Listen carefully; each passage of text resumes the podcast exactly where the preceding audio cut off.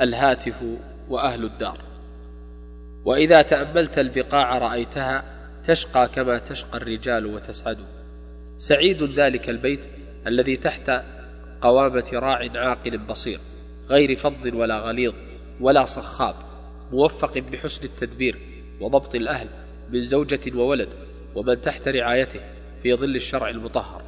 وكان من تدبيره في الهاتف أن المرأة لا ترفع يد الهاتف وفي الدار رجل من أهلها وأن الأهل محجوبون عن فضول الاتصال وقد لقنهم آداب الهاتف ونشأ أولاده على ذلك فأصبح لديهم من الأدب الموروث.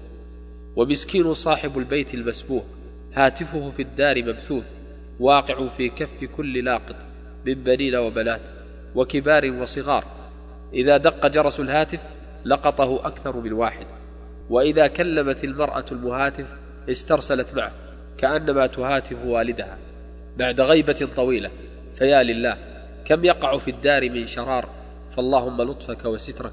يا كريم يا رحمن يا رحيم. والموفق من إذا ذكر تذكر وإذا بصر تبصر.